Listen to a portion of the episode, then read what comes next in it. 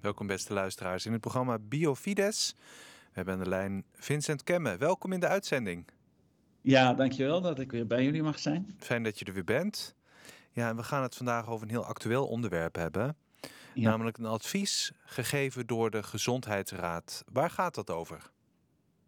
Ja, dus er is een, eh, de Gezondheidsraad is uitgedaagd, ik geloof door het ministerie van onder andere Volksgezondheid, want die lange namen die kan ik soms slecht onthouden hier in het buitenland.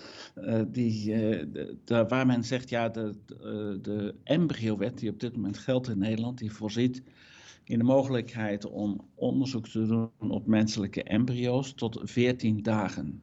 ja, dat is de embryowet, hè? Ja. ja. Ja. Misschien is het goed om even nog te zeggen dat de Gezondheidsraad inderdaad een onafhankelijke wetenschappelijke adviesraad is. Met als wettelijke taak om de regering en het parlement te adviseren op het brede terrein van de volksgezondheid en de uh, gezondheidszorg. Die twee onderwerpen gaan ze over. Ja. Ik ben blij dat je het goed aanvult, want zo mooi had ik het niet weten te zeggen. Ik ook niet, maar het staat op hun website. Dus vandaar. Ja. je voorlas. Ja. En die gezondheidsraad heeft dus een advies uitgegeven en die mhm. stelt nu voor om die 14 dagen grens. Dus je kunt je voorstellen dat uh, op een dag vindt de bevruchting plaats, onder welke omstandigheden dan ook. Daar laat ik nou even in midden. En uh, het vruchtje in de moederschoot, in de eileider en dan in de baarmoeder. Uh, het bereikt op een zeker moment, gaat door, door allerlei stadia heen, ontwikkelingsstadia. En uh, men heeft dan tot nu toe gedacht dat het aanvaardbaar zou zijn ethisch om uh, tot 14 dagen te gaan als het gaat over het doen van onderzoek op die, uh, op die menselijke embryo's. Ja. En de Gezondheidsraad adviseert nu om dat uit te breiden naar 28 dagen, dus een ja. verdubbeling. Maar het gaat heel specifiek over de embryo's die overblijven na IVF-trajecten, hè? Daar hebben ze het uh, met name over. Ja. Uh, dat is, uh, dus misschien goed om heel even aan te stippen van wat is dat dan? Wat is IVF?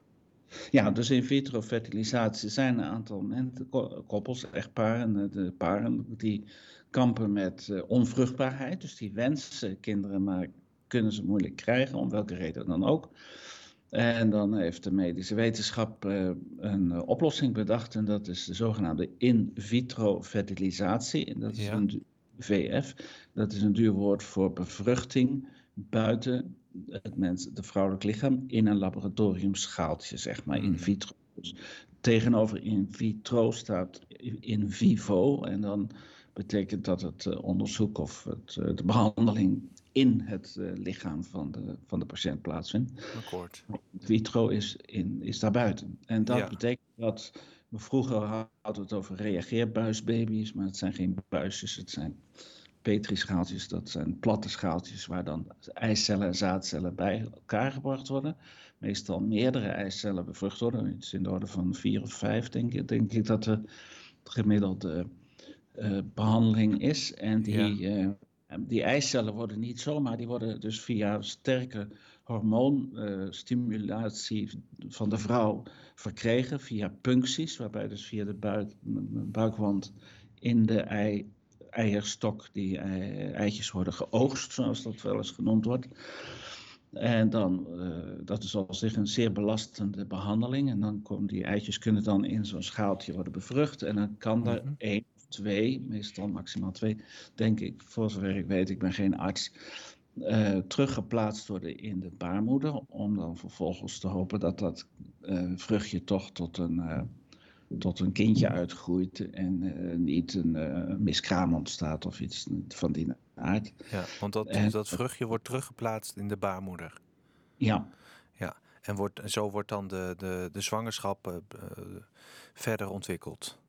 Ja, en dan is het open natuurlijk voor de wensouders, zoals dat heet, uh, dat dat verder goed verloopt. Dat is lang niet altijd zo. Ik heb daar geen getallen van, maar dus het gaat ook nog wel eens mis. Het is ook heel duur. Er is ook een alternatief voor dat wij ethischer vinden. Want wat doe je met die restembryo's? En daar gaan we het over hebben in verband met dit onderzoek. Ja. Maar los van dat je er onderzoek op doet, het is toch al een beetje vreemd lijkt mij dat je vijf, laten we zeggen, vijf embryo's aanmaakt om uiteindelijk één kind te hebben. Wat, mhm. Hoe denk je dan over die vier anderen? die in de koelkast ergens bewaard gaan, of ingevroren worden en bewaard worden.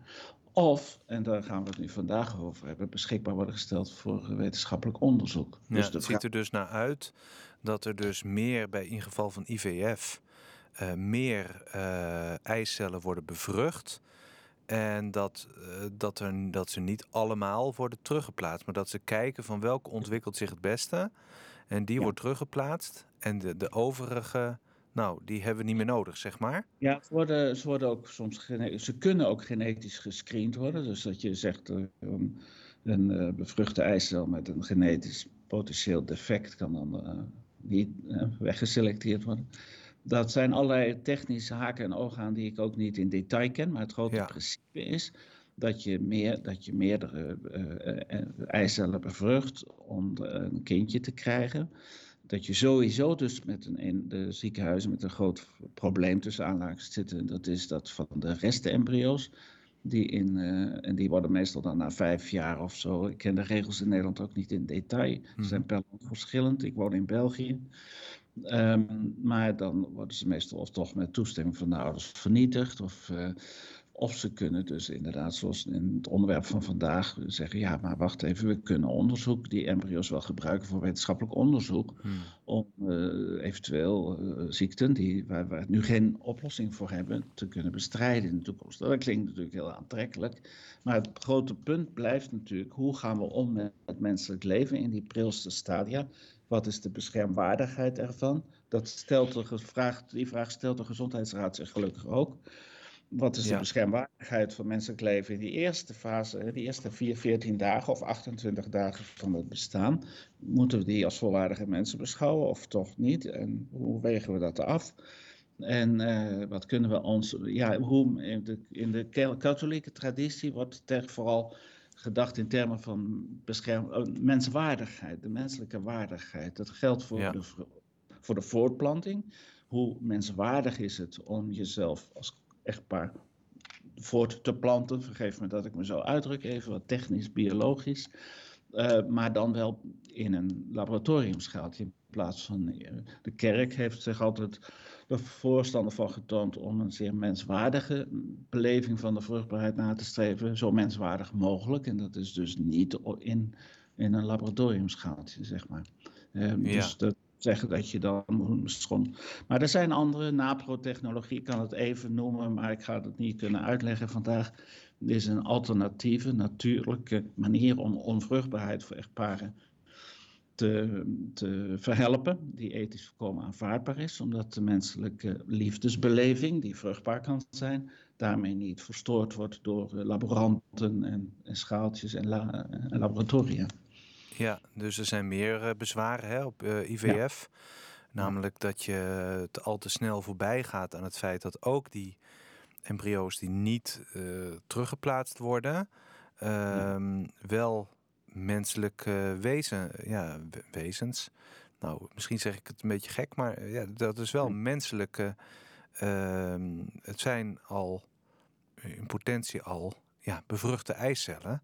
En dat is het ook, dat is de conceptie. En dat is de, het moment waarop een nieuw leven is begonnen. En dus ook een ziel heeft. Nou, dat is dan een volgende vraag die technisch is. Want je stel nou dat dat embryo zich splitst en je krijgt een een-eigen tweeling. Dan kun je je afvragen of voor de splitsing er twee zielen in zaten. En de kerk heeft hmm. gezegd dat weten we niet precies. Maar wat we wel weten is dat het beschermwaardig is als menselijk leven. Dus of er nou uit een bevruchte eicel één of twee mensen zich ontwikkelen, hè, bij wijze van spreken, de, dat is geen excuus om uh, te zeggen, oh maar voor die splitsing was het nog geen mens of zo. Blijft menselijk leven, het gaat om mensenlevens. We zijn allemaal een eencellige embryo geweest, ooit, vroeger, heel lang geleden. Voor je, ik iets langer geleden dan jij. En dan, uh, dus dat betekent dat, je, dat je de menswaarde, dus dat argument van de menselijke waardigheid, die kennen we toe vanaf de bevruchting tot de natuurlijke dood in het katholieke denken. En zo gauw je daarop aan gaat rommelen, dan gaat het schuiven. En dat is waar we het vandaag over hebben. Ja. Eerst uh, moeten die embryo's in de koelkast bewaard worden. Daarna mogen ze ook onderzoek op gedaan worden, maar dan tot 14 dagen. Want dan vinden ze dan een grens dat je zegt ja, we kunnen ze maar tot 14 dagen goed bewaren. En daarna gaan er misschien dingen zich ontwikkelen. En, maar nu kunnen ze het ze tot 28 dagen blijkbaar goed bewaren. Dus willen ze die extra 14 dagen ook kunnen gebruiken voor uh, wetenschappelijk onderzoek, wat tot nu toe niet gedaan is. En dan is het wel interessant om te weten waarom, die, waarom ze op 28 dagen uitkomen. Dat blijkt te zijn, omdat volgens hun persbericht van de Gezondheidsraad, omdat ze vanaf 28 dagen gebruik kunnen maken van geaborteerde kinderen. Dus na oh, abortus. Ja. En de abortus is natuurlijk ook niet bepaald iets wat bijdraagt aan de menselijke waardigheid, met alle, zonder mensen te willen veroordelen die tot die daad overgegaan zijn. Maar als beginsel kun je niet zeggen dat het doden van een ongeboren kindje een hoogst menswaardige handeling is natuurlijk. Dat kindje gaat er later het leven bij, wat de omstandigheden ook zijn. Ja, nou de Gezondheidsraad die heeft in een uh, persbericht inderdaad... Uh, gebruiken ze een andere term dan dat wij misschien toe genegen zouden zijn, namelijk menselijke waardigheid. Nee, zij gebruiken dat woord niet. Zij gebruiken beschermwaardigheid ja. van het embryo. En zij stellen dus dat uh, zeg maar naarmate het embryo zich verder ontwikkelt, ook de beschermwaardigheid toeneemt. Ja. En dat uh, er een punt kan zijn waarop uh, de beschermwaardigheid zo hoog is dat er geen ander belang kan zijn die daartegen opweegt. Ja. dus dat gaat over het bewustzijn. Als er sprake is van bewustzijn, dan is dat ja. ze zeker nooit, uh, kan daar nooit iets anders tegen opwegen. Hè, dat nee. is hun, hun manier van redeneren. Uh, maar ja. zo vroeg in de embryonale ontwikkeling is er dus uh, evengoed wel ook sprake van morele betekenis, maar niet zodanig dat zij dus ja. zouden adviseren dat, het, dat je daar dus geen onderzoek op kunt, kunt doen. Dat is een en beetje dat, samengevat. Ja, heel goed samengevat. Het begint dus bij het idee dat er een graduele beschermwaardigheid van het menselijk embryo ja. Ja. En daar ben ik het al niet mee eens. Nee. Omdat het namelijk in wezen, wezenlijk verandert er niets. Je kunt zeggen, eerst heeft het nog geen armpjes en beentjes, daarna wel. Maar dat is geen wezenlijk criterium voor het wel of niet de mens zijn van dat vruchtje. Dat geldt al zelfs bijvoorbeeld ook voor het al dan niet ingenesteld zijn in de baarmoeder. Dus de eerste dagen gaat het door de eileider richting baarmoeder, al bevrucht en wel maar, dat vruchtje. Dus, maar dat betekent niet dat het voor de innesteling geen menselijk leven, geen menselijk individu is. Ja. En dus daarmee, over die ziel wil ik het nu even niet hebben. Dat, ik geloof dat die er is vanaf het begin, maar daar kan ik biologisch niet bewijzen. Snap je? Mm, daar kan ik, ja, snap ik. zien. Maar ik kan wel ervan uitgaan, ik hoef maar te wachten om te vast te stellen, behoudens uh, natuurlijk uh, uh, miskramen en zo. maar dan nog kan ik vaststellen, het, het ging om een mens al vanaf het begin. En dus is dat voor mij het einde discussie, sorry. dat ja. moet beschermd En die beschermwaardigheid, dat die gradueel zou zijn, dat wordt hier gesteld als een soort absolute waarheid. Nee, dat is slechts een populaire opvatting. Ja. Van de mensen die dat, eh, zo'n gevoel hebben van ja, maar eerst is het klein en dan groot, dus dan zal de beschermwaardigheid ook eerst wel klein en groot zijn. Of eerst heeft, is er nog geen hartslag en dan is er wel een hartslag. En dan uh, zou het opeens compleet anders zijn, terwijl die hartslag ook heel geleidelijk opkomt. Alle embryonale processen, dat zijn heel graduele processen. Ja. Dat betekent dat, uh, maar in de grond gaat het allemaal om de expressie van één en hetzelfde DNA, om het dan maar het genetisch argument te noemen, dat vanaf dus de fusie van eicel en zaadcel gevormd wordt. En de expressie daarvan is dat unieke mensje dat daar zich ontwikkelt. En dat verandert niet. Dat is vanaf de bevruchting tot je natuurlijke dood uh, hetzelfde. En of je nu uh, dus, uh, dus die beschermwaardigheid, dat, die is wat mij betreft een absolute. Ja. Dat is één ding en die is, neemt niet gradueel toe. Dus dat is denk ik wetenschappelijk gewoon, ik heb zelfs zin om de man te schrijven, de voorzitter daar. Van dit kan ik als bioloog niet verdedigen. Dus niet als katholiek, hè, maar als bioloog. Hè. En uh, een andere is dat ze menen dat we kunnen afwegen tegen andere belangen. Maar als er een absolute waardigheid is, die, uh, tegen, dus dat is een intrinsieke waardigheid die nooit geschonden mag worden. Uh, ja.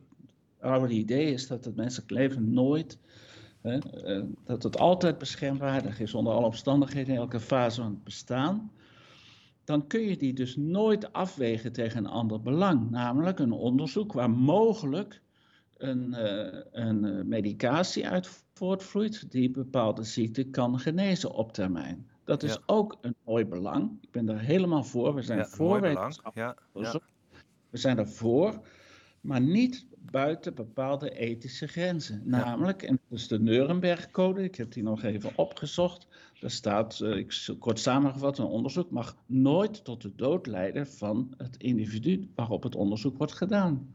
Nou, als je dus menselijke embryo's gaat onderzoeken, voor tot object van onderzoek gaat maken, ja, dan gaan ze niet overleven. Laten we daar geen illusies ja. van maken. Ja, we moeten helaas gaan afronden. Vincent ja. me voor, dit, voor deze aflevering. Ja, het is een heel groot onderwerp, hè, natuurlijk. De menswaardigheid, de beschermwaardigheid en het, uh, de embryo's uh, en hoe we daarmee omgaan. Ja, en, en, en, de wetgeving daarover. Dus het is een heel veelzijdig onderwerp ook. En we kunnen ja. nog meer uitzendingen daarover vullen. Maar in ieder geval nu, voor nu bedankt voor deze toelichting op, de, op het advies dat de Gezondheidsraad in Nederland heeft uitgebracht met betrekking tot de aanpassing, oftewel de verruiming van de embryowet. Graag dank. Ja, en uh, dus bedankt en graag tot de volgende keer. Tot de volgende keer. Tot de volgende keer.